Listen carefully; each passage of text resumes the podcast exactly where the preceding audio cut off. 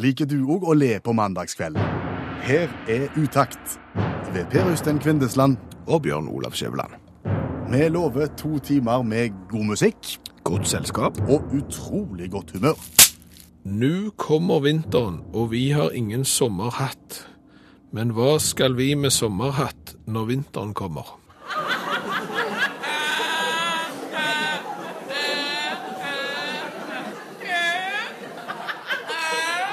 Utakt med godt humør på mandagskvelden, og det står i formålsparagrafen.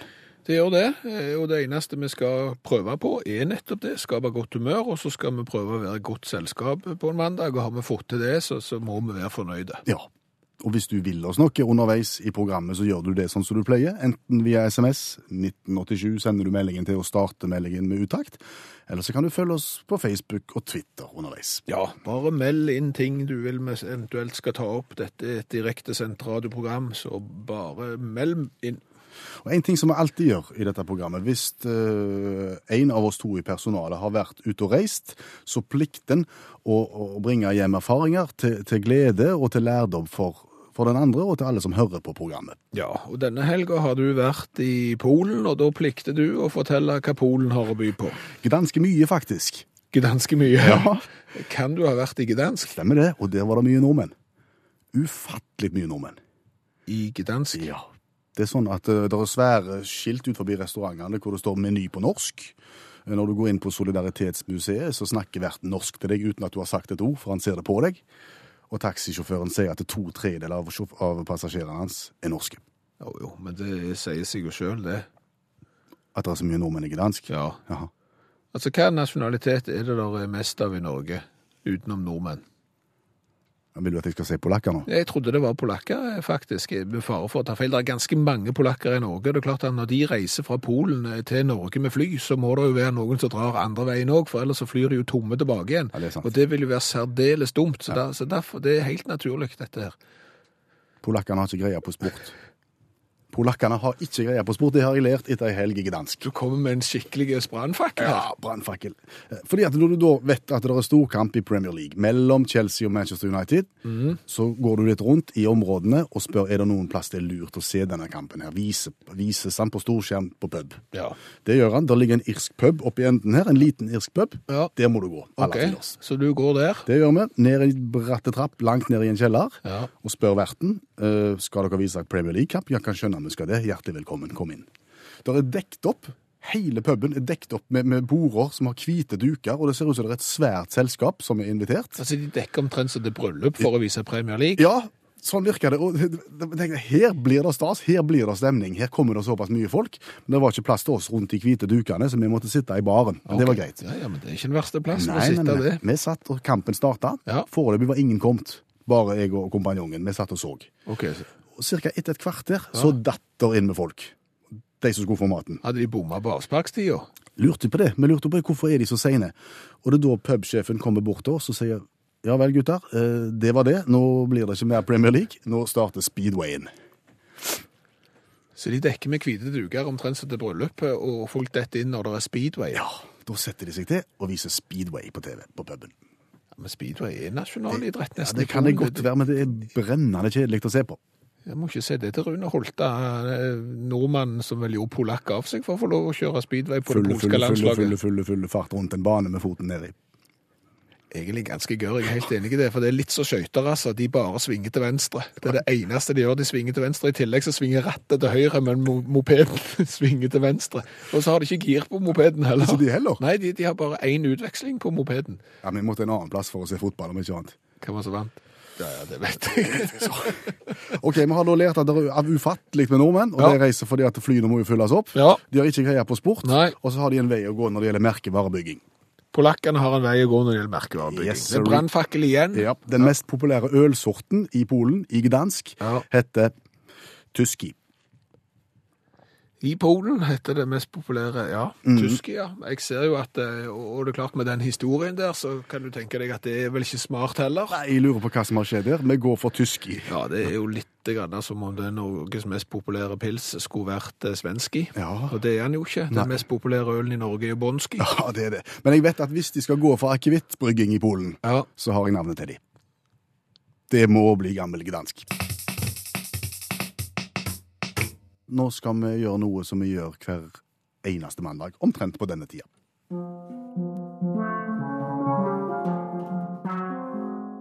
Bare spør. Jeg skal svare. Hilsen Vebjørn, syv år. Vi skal spørre Vebjørn, og vi skal få svar av Vebjørn som oser av sin livserfaring. Han har jo vært igjennom en del. Det er klart det, Han går jo tross alt i andre klasse nå, så, så han har jo erfart ganske mye på sin vei. Og dette deler han jo med deg som hører på radioen, fordi at eh, vi vet det. I Norges land så er det mange som har små og store problemer som de trenger hjelp til. Ja, og vi har bedt om å få spørsmål tilsendt til Vebjørn, og spørsmålene kommer. Og dette har vi plukket ut i dag. Hei, Vebjørn, står det i spørsmålet. Jeg har nettopp kjøpt leilighet, og på badet er det mørke fliser på gulvet og veggene. Jeg ønsker et lyst bad, og har ikke råd til å totalrenovere badet. Kjære Vebjørn, kan jeg male flisene? Ja, jeg tok med dette spørsmålet hjem til syvåringen, jeg. Å male fliser i tørre rom går fint. Men på badet er litt mer et sjansespill. Og hva er det du risikerer for noe, da? Malingen vil nok feste til flisene, men fugene er et problem. De er porøse, og etter mange års bruk de gjerne fått lav kalk og såperester. For å få malingen til å sitte, må underlaget være dullende rent.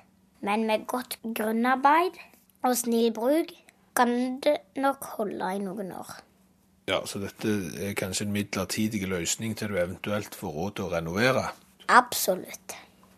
Eh, Hvordan skal du male flisene, da? Dersom du tar sjansen på å gå i gang? Vask grundig med klorin for å få fjerna all kalk og såperester. Vask deretter med et sterkt vaskemiddel som har en nedmattende effekt. Til slutt skjul godt. Noe mer? Slip flisene med fint sandpapir for å matte ned overflaten. Bruk korning 150 eller finere. Vask og pussing, det hørtes ganske stress ut dette, her, Vebjørn. Ja, det er arbeid. Sånn er det bare. Fjern slipestøvet og grunn med oljebasert grunning. Tilpassa glatte flater. Oljebasert, jeg trodde det var vannbasert, så var jeg skuddet nå, jeg. Stemmer det, men på fliser i bad er det bare oljebasert som vil holde. Som toppstrøk brukes oljemaling, blank eller halvblank, i ønska farge. Minimum to strøk. Da har vi det vel. Stort sett. Bare husk på at gulvet er det vanskeligste området. Fugene må være helt rene og fri for kalk før malingen påføres. Fordi at Fordi kalk og såperester vil føre til malingen løsner etter korte tid. Gulvet grunnes akkurat som veggen. Og som toppstrøk bruker du oljebasert gulvmaling. Alt du kan. Ja, men han, han brifer ikke med det. Han, han, han bare vet det. Han bare vet det, så, så sånn er det. Og vil du vite ting, eller vil du, vil du ha hjelp av Vebjørn, så må du gjerne sende oss en mail. Ja, utakt krøllalfa nrk.no, så vurderer vi spørsmålet litt, og du kan få lov å være tilsynelatende anonym òg.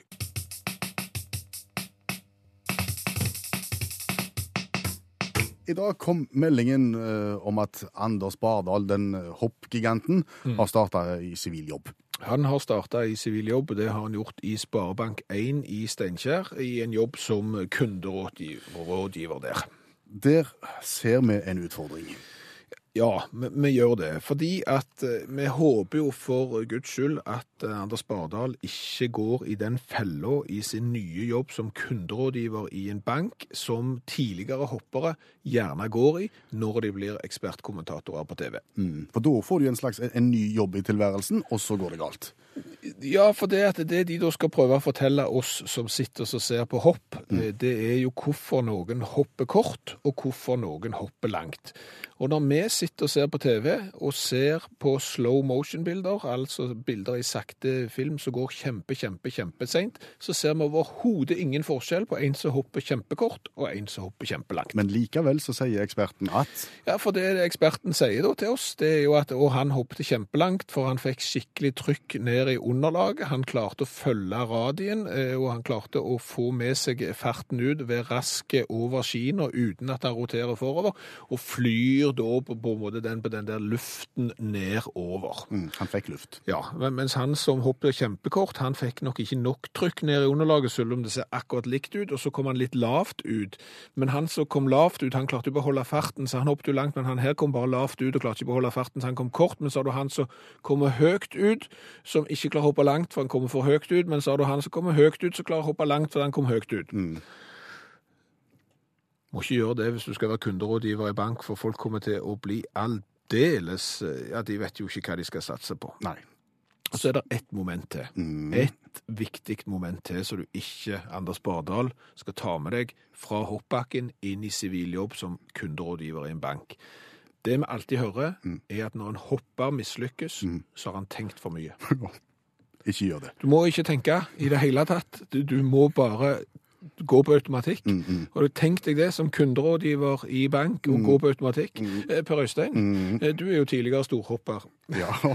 Eh, Har blitt nå kunderådgiver i bank. Ja, og er mye på automatikk. Eh, Bør jeg satse på flytende eller fast rente?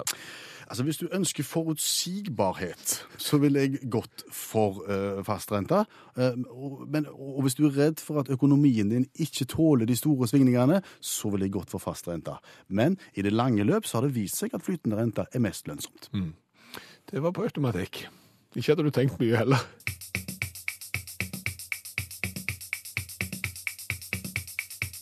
Når vi har atter en gang fått besøk av allmennlærer med to vekttall i musikk, Olav Hove, som har latt seg inspirere av et TV-program. Ja, han har sett på Trygdekontoret, han har sett at Havna Havnå og Pål Enger har vært gjester der og snakket om sin karriere som forbrytere, og at eh, ting ikke har gått som planlagt. Og det er dette som har inspirert allmennlæreren, etter det vi har grunn til å tro. For det er flere eksempler på øh, forbrytere som har mislykkes i det en skulle foreta seg. Hva hva er det du tenker på, Hove? Hvis det skulle ha gjort et innbrudd, og så skulle de ha kommet ikke vekk etterpå, hva slags rømningsfartøy ville de ha valgt da? Ford Transit. Ja. Ford at- Transit var det den bilen som eh, de rømte med på, på 60- og 70-tallet i England. Det var bare Ford Transit de rømte med, så jeg ville tatt det. Den er, Den er safe. den er safe. men- Rømt med i tiår. Og den går an å få opp i 100 km i timen hvis du står på litt. da. Ja. Men eh, for den colombianske forbrytergjengen med, med den mesterhjernen Hector Ramires i spissen, eh, de tenkte som så. Her skal vi være litt lure. For eh, når du har, har rana noe, så, så kjører du vekk i full fart. Og hva ser politiet etter? Jo, de ser etter biler i full fart. Hva gjør vi da? Vi tenker helt motsatt. Vi kjører seint. Vi kjører seint. Det er jo kjempesmart. Så de, de kjørte en brainstorming. Eh, var innom gressklippertraktor, foreslått. Eh, sånn eh, pensjonistmoped med trekk eh, var bare innom. Eh, men det var et problem med disse her fartøyene. Det gikk kjempeseint, ideelt. Eh, I deres hode, men de kunne ikke ha på dem så mye. Så de fant de måtte, altså de kunne ikke pakke dem så mye. da. Og du vil jo pakke litt når du skal, når du skal gjøre innbrudd i en kolonialforretning, så det hadde sett seg ut. Så de eh, fant vi å gå til dyreverden. Så Hector Ramires og de to kompisene hans de, de gikk til gården til Orlando Oliveira og stjal Xavi, et ti år gammelt eh, esel. Stjal de og tenkte vi skal bruke esel, for det er jo så det er, De var helt fra seg av hvor geniale de var. For for det første, eh, esel kjempetreige. Ingen vil mistenke at noen er så dumme at de har et esel som sånn eh, runaway car. Eh, Og for andre, esel kan jo pakke hva som helst på. Du kan sette en Fiat Punto oppå uten at det reagerer i det hele tatt. Så dette var smart, så de fikk, med, de fikk parkert Shawi Xavi ved sida av butikken til Fabio Orosco. For hvis vi skal være inne på navn her, så heter han Fabio Orosco. Han som drev kolonialen. Han som drev kolonialen, ja. Eh, De koordinerte det hele, gikk inn med, med, med skytevåpen og sa dette er et ran. Eh, gi oss eh, Og det var litt spesielt. Sigaretter, brennevin, olivenolje og ris. Jeg vet ikke hvorfor de skal ha ris, men det var der de stjal, iallfall. Eh, eh, Fabio ble jo selvfølgelig forsuppa når han fikk en pistol i fjeset. Ga de alt de trengte. De gikk ut bakom butikken og begynte å laste på Xavi. Eh, Fabio ringte politiet, selvfølgelig. Og um, 25 minutter etterpå så kom politiet. Det første eh, politibetjent Johan Camilo Dominguez. Det var tre minutter gangvei til nærmeste politistasjon, men det tok 25 minutter før de kom. Og når de kom, så, så gjorde de som de pleier. sånn, Tar fingeravtrykk og eh, forhør og en eller annen. Altså, ble det sånn et jækla bråk i skriking og høying, da. Så, så Johan Camilo ble forstørra her. Og etter en stund så sier helt er det som skjer her. For da, ved sida av butikken så hørte de forferdelig skriking. Da visste det seg at Xavi hadde på en måte sett seg litt forbanna på hele opplegget. Es, Eh, eselet hadde gått var sta. Eselet likte ikke konseptet med å være runaway car. Nei. Hadde deilig liv der han spiste strå og tok det helt rolig på gården til Orlando Olivares. Og nekta rett og slett å gå. Satte ned hoven, for å bruke et uttrykk. Og, eh, og mm, forbrytergjengen med Hector og gjeng, de fant at vi skal peke de skubba på dette eselet, og begynte å slå dem baken, dytte dem baken, og esel kan sparke. Så forbryterne ble sparka, de hylte og skreik litt. Eselet hylte og skreik fordi de ikke ville gå, og til slutt, da, så kom Orlando Olivares, Juan Camilo Dominguez og resten de, de tok seg en tur på sida av butikken og fant da eh, to svimeslådde forbrytere. Et møkforbanna esel ved navn Shawi og en kjekk sjef for, for denne her forbryterligaen som var litt sånn var litt mutte. Egentlig veldig glad for at de ikke lykkes med å rømme òg, for det er jo ofte sånn at når du da rømmer fra et ran, så skal du sette fyr på fluktfartøyet ditt etterpå, sant? og det hadde jo vært særdeles dumt. Ja, det er helt sant. Men det som det er en glede å konstatere akkurat nå, i det klokka er syv minutter over 23, det er at utaktfamilien vokser. Ja, vi har hatt påmeldingsrekord nok en gang i forbindelse med konkurransen, og da er det jo en glede å trekke fram en som ikke har hørt konkurransen før, nei, Grete.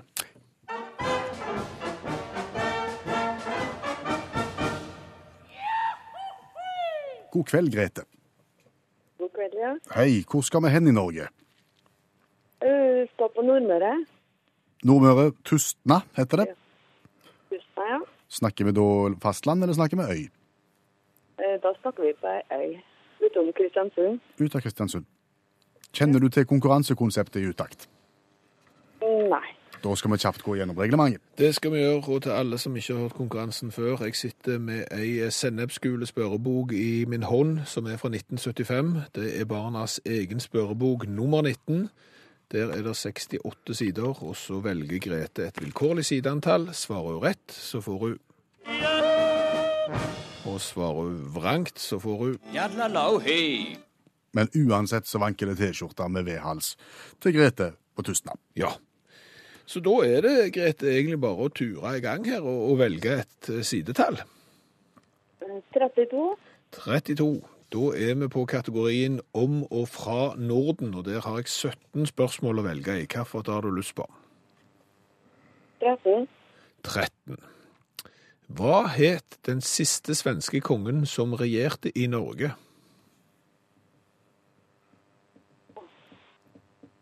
Godt spørsmål. Ja, Det er et godt spørsmål. Ja, det er, Et av de bedre, vil jeg si. det, det er nok fra før 1975, det tror jeg. Karl Johan.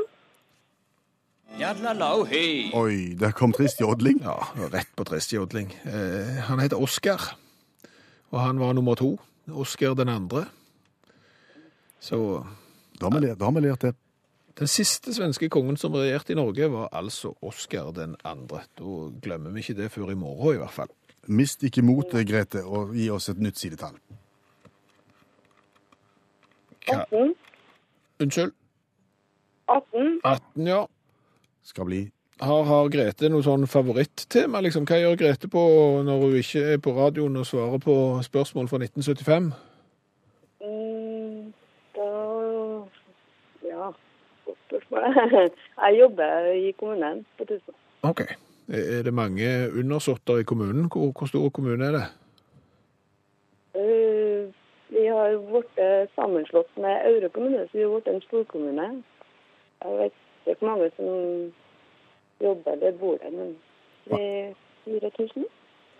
Og når du skal kose deg på fritida, hva driver du med da? Mm, Nei, da har jeg gode venner. Forsøker å,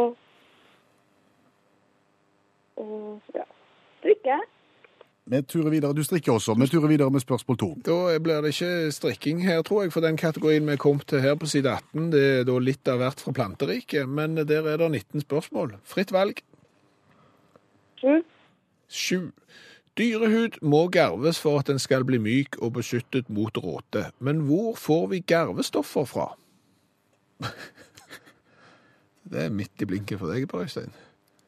Altfor lite garving. Ja. Det var helt Bladene på planten? Hva sier dommeren? Velger vi tristjodling, eller velger vi? Ja, altså, blad Vi, vi, er virkelig inne på det. Altså, vi, vi er i faunaen der, men vi er ikke på blad. Vi er mer på huden til treet. Til barken? Vi er på barken. Ja. Ja. Garvestoffet det kommer da fra bark. Da lærte vi noe enda mer i dag på Øystein. Litt om Oskar og litt om barken. Ja. Ett spørsmål igjen. Yes. Sidetall Eh, 22. 22. Det er kategorien som heter så mye som eh, aktuelt, mer og mindre. Det er alltid kjekt siden det er fra 1975. Hele 25 spørsmål kan du velge og vrake i. 25. Siste spørsmål i den kategorien. Hvem var Aristoteles Onassis gift med?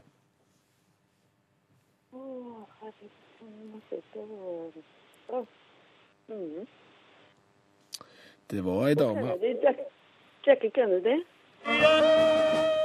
Og der kom gladjodling med en gang. Yes. Enka etter president eh, Kennedy var han gift med. Hadde en svær båt også, jeg tror han oppkalte oppkalt etter Jacqueline. Grete, du er glad i å strikke. Dette ble to rette og én vrang, kan vi si det sånn? Ja. Og du skal få lov til å gå på den sammenslåtte kommunen, eh, på kommunehuset der, og brife i ei svarte T-skjorte så med et gult utaktmotiv på og V-hals. Så Takk. den er sjelden. Takk for at du var med oss. Og da er det klart for et nytt eh, kapittel i vår store coladugnad. Ja, 2015 skal bli det året der vi smaker på mest mulig forskjellige typer cola fra den vide verden, og vi er godt i gang. Ja, for du som hører på Utakt, du er knallflink til å sende oss flasker. Det bugner, og det er kjekt. Det kommer fra fjern og nær. Folk har vært ute og reist og tatt med seg og sendt i posten. De kommer personlig, videre. Ja, ja, det er fra Turkiet, og det er fra Asien, og det er Fra Orienten, fra, fra Orienten, og det er fra United States of the USA. Fra Yankeen. Ja, det, det er overalt, det er en fornøyelse. Det er Cuba-cola fra Sverige vi skal svare på. Smaker Ja, på. ja, og- Fortell oss historien om den. Cuba Cola er da en brus som ble lansert i 1953, oh. og, er da en av Sveriges eldste varianter av coladrikk. Eh, Cuba Colaen ble lansert tre måneder før Coca-Cola ble lansert i Sverige, så, så dette her er en cola som virkelig tar historien bak seg, og kanskje litt foran seg òg. Da er jeg veldig, veldig spent. Er han populær i Sverige, vet noe om det? Det, det er iallfall fem svenske bryggerier som produserer leskdrikken her, så på lisens. eh, Så, så det er mulig. Og det er da en 033 brun flaske, sånn mer som pilsflaske. Etiketten er rød og blå med litt hvitt på, sånn som flagget til Cuba. Vi snakker glass. Vi snakker glass. Og korken har den hvite, ei hvit stjerne, litt sånn som Cuba har i flagget på Ja. toppen. Så det er helt klare indikasjoner på at Cuba-colaen, den handler om Cuba. Vi er veldig spent på smaken nå, og man kan hevde seg helt i toppen av alle colaene vi har testa fra andre steder i verden. Og det vi gjør nå, nå gir vi først poeng og karakter for smak fra 1 til 10, og etterpå så gir vi poeng for det vi kaller kulhetsfaktor. Ja, hvor tøft er det egentlig å drikke Cuba Cola? Vær så god. Tusen takk. Klar, ferdig, gå.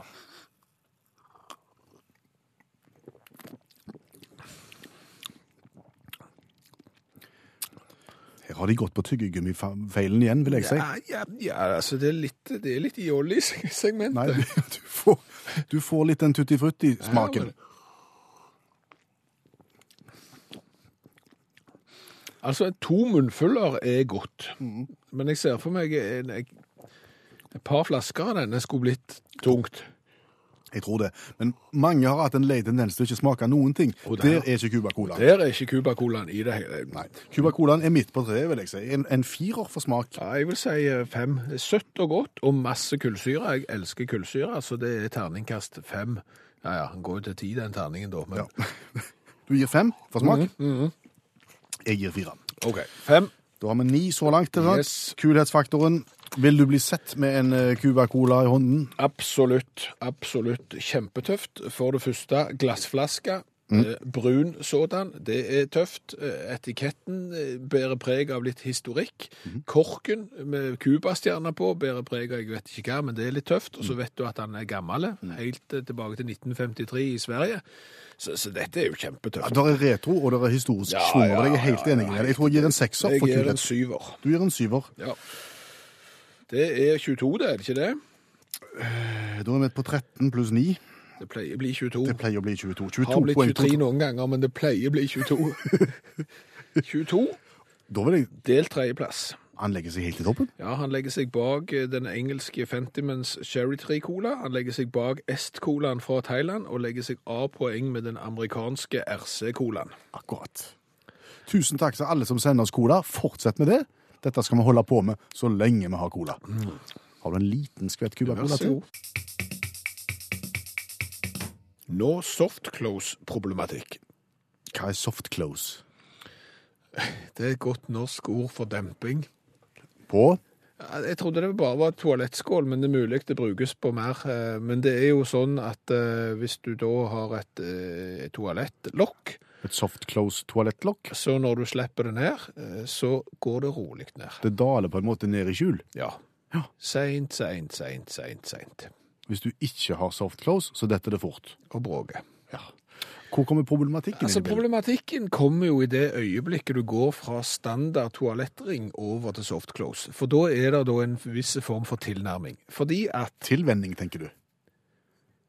Ja, tilnærming, tilnærming. Ja, OK. Begge deler. For, for eh, liksom det du var vant med, det var jo at du hadde et lokk som datt ned fort. Nå har du fått et lokk som detter ned seint, og jeg vil gjenta ordet seint. Ja, veldig seint. Og så står det på bruksanvisningen at eh, når det faller ned av seg sjøl Altså, du skal ikke ta det ned, Nei. for da ødelegger du på en måte dempinga i lokket. Så dermed så gir du det en liten dutt, og så står du og ser på det. Så skal det få leve. Så daler det seint, og du er trengt det. Du har lyst til å sitte ned, eventuelt eh, ikke stå, for da, da har jeg, jeg sitter, sant? Og så har du lyst til å sitte deg ned, og Der kom det der. Nei, ikke ennå. Vent litt. Ja, nå er det Nå er det nede. Det tar sin tid. Ja.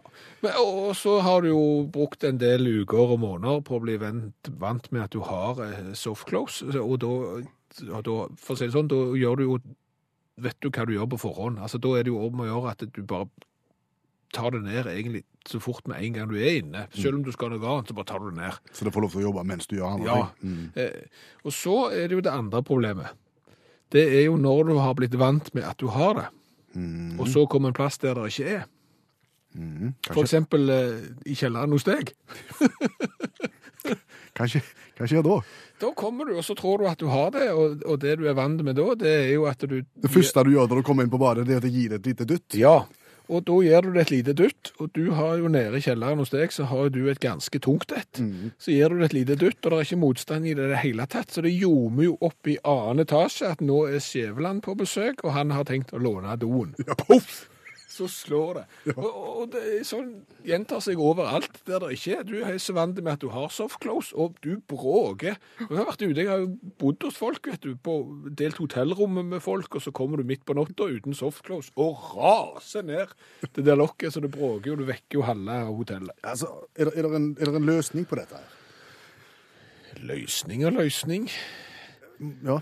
Jeg er ikke sikker. Hva, hva ser du for deg? Nei, altså en, kanskje en, en mal. Kanskje en burde sagt at enten så går alle for det, eller så går ingen for det. En får bli enige. Så skal jeg begynne med min egen kjellerstue. Ja, det syns jeg jo at du, du får, du får uh, rydda rundt egen ring.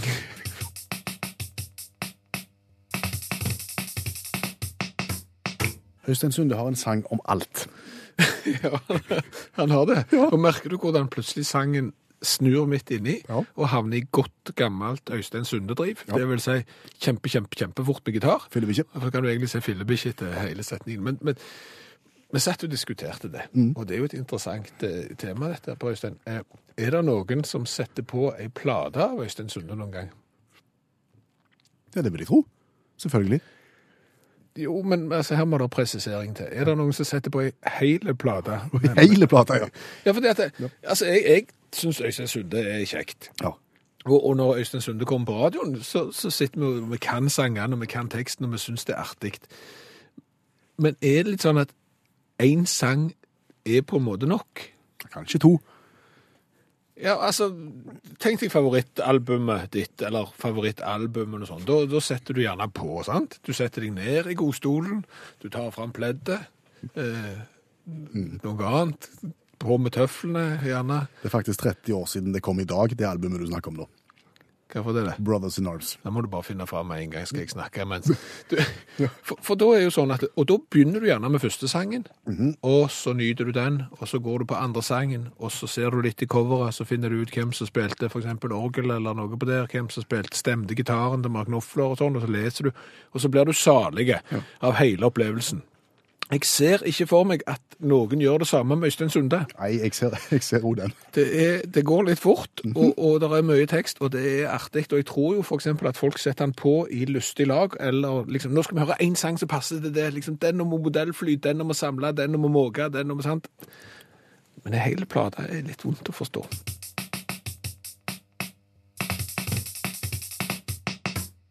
Nå, allmennlærer med to vekttall i musikk, Olav Hove, og flere forbrytelser som ikke gikk helt sånn som de skulle.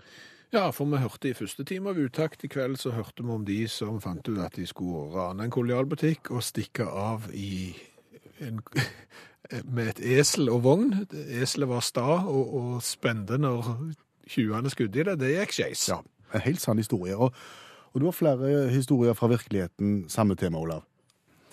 Det er helt sant. Vi skal til Berlin og eh, den helt nyslåtte bankraneren Klaus Schmidt, som går inn i en sentrumsbank og sier dette er et ran, gi meg pengene. Foreløpig er alt normalt. Så var det feil nummer én av den godeste Klaus Schmidt. Han hadde glemt pose. Pose må du ha med når du skal rane en bank. Eh, så han sa jeg må få omformulere meg litt. Dette er et ran, gi meg pengene.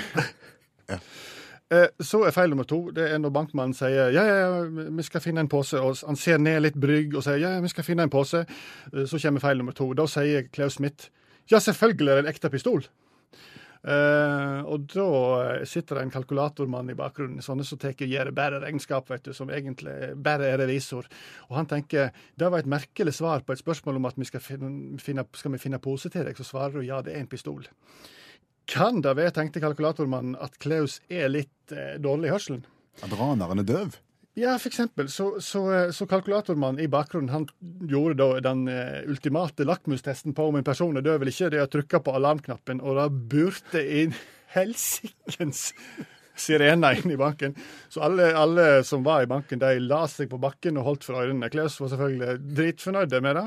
Han hadde nettopp, eh, hadde nettopp slått til med replikken 'Jeg er en trent drapsmann', og ser at samtlige hiver seg til bakken og holder for ørene og tenker 'ja, dette fikser jeg greit'. Eh, Så Klaus han fikk både pose og penger og følte seg godt fornøyde. og tok og Stappa pistolen ned i bukselomma og snudde seg rundt, og der sto 'Forsyne meg, politiet'. Nei. Klaus ekstremt overraska, men gikk til politistasjonen. Ble satt i fengsel.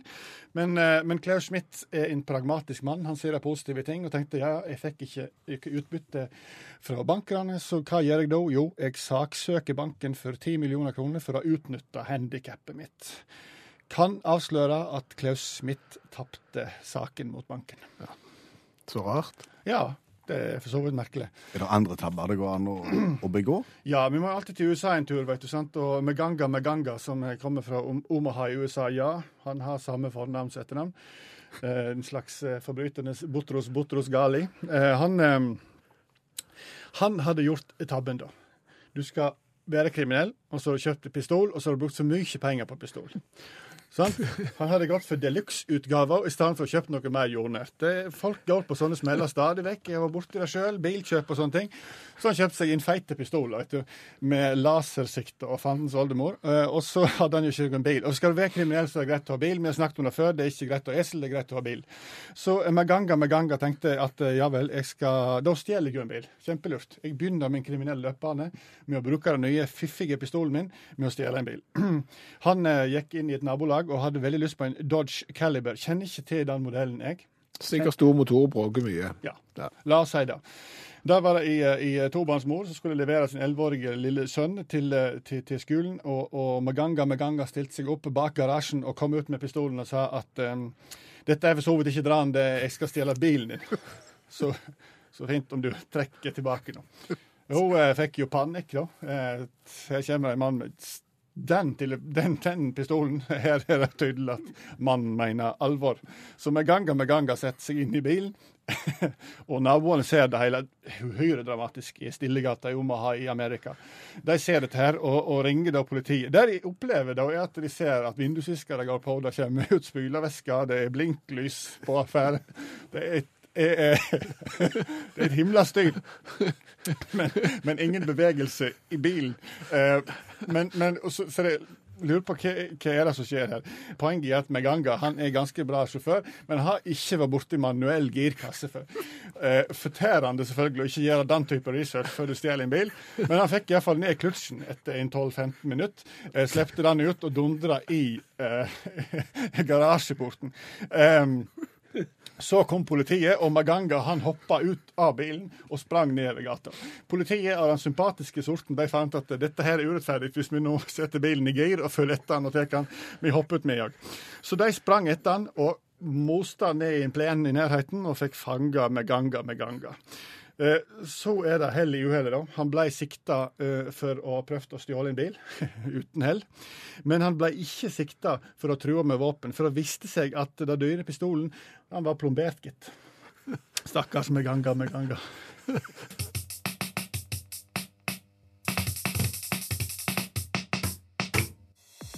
Hør flere podkaster på nrk.no podkast.